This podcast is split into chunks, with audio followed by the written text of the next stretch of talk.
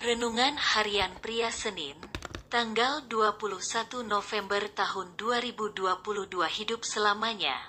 Lukas 24 ayat 5 mereka sangat ketakutan dan menundukkan kepala. Tetapi kedua orang itu berkata kepada mereka, Mengapa kamu mencari dia yang hidup di antara orang mati?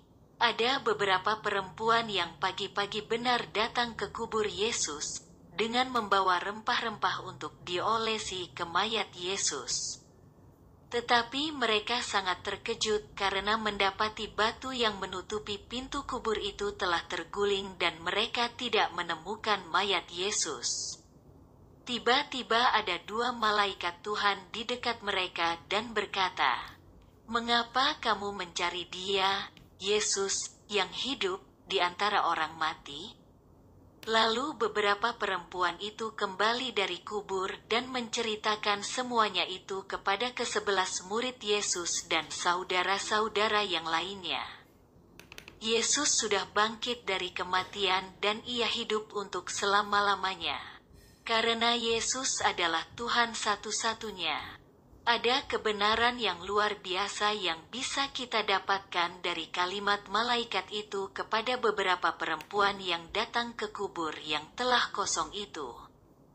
Kita mempercayai Yesus yang hidup dan bukan yang mati. Ia memang ia telah mati, tetapi ia telah bangkit dari kematian. Itu artinya tidak ada satu kuasa apa pun yang dapat mengalahkan dia. Kita mempercayai Yesus yang dulu pernah melakukan mujizat-mujizat bagi manusia, dan kita juga mempercayai Yesus yang sekarang juga masih melakukan mujizat-mujizat bagi manusia. Khususnya bagi kita anak-anaknya, Yesus telah bangkit dari kematian dan hidup untuk selama-lamanya. Karena Yesus adalah Tuhan, tidak ada yang lainnya. Refleksi diri. Apa yang firman Tuhan katakan kepada Anda?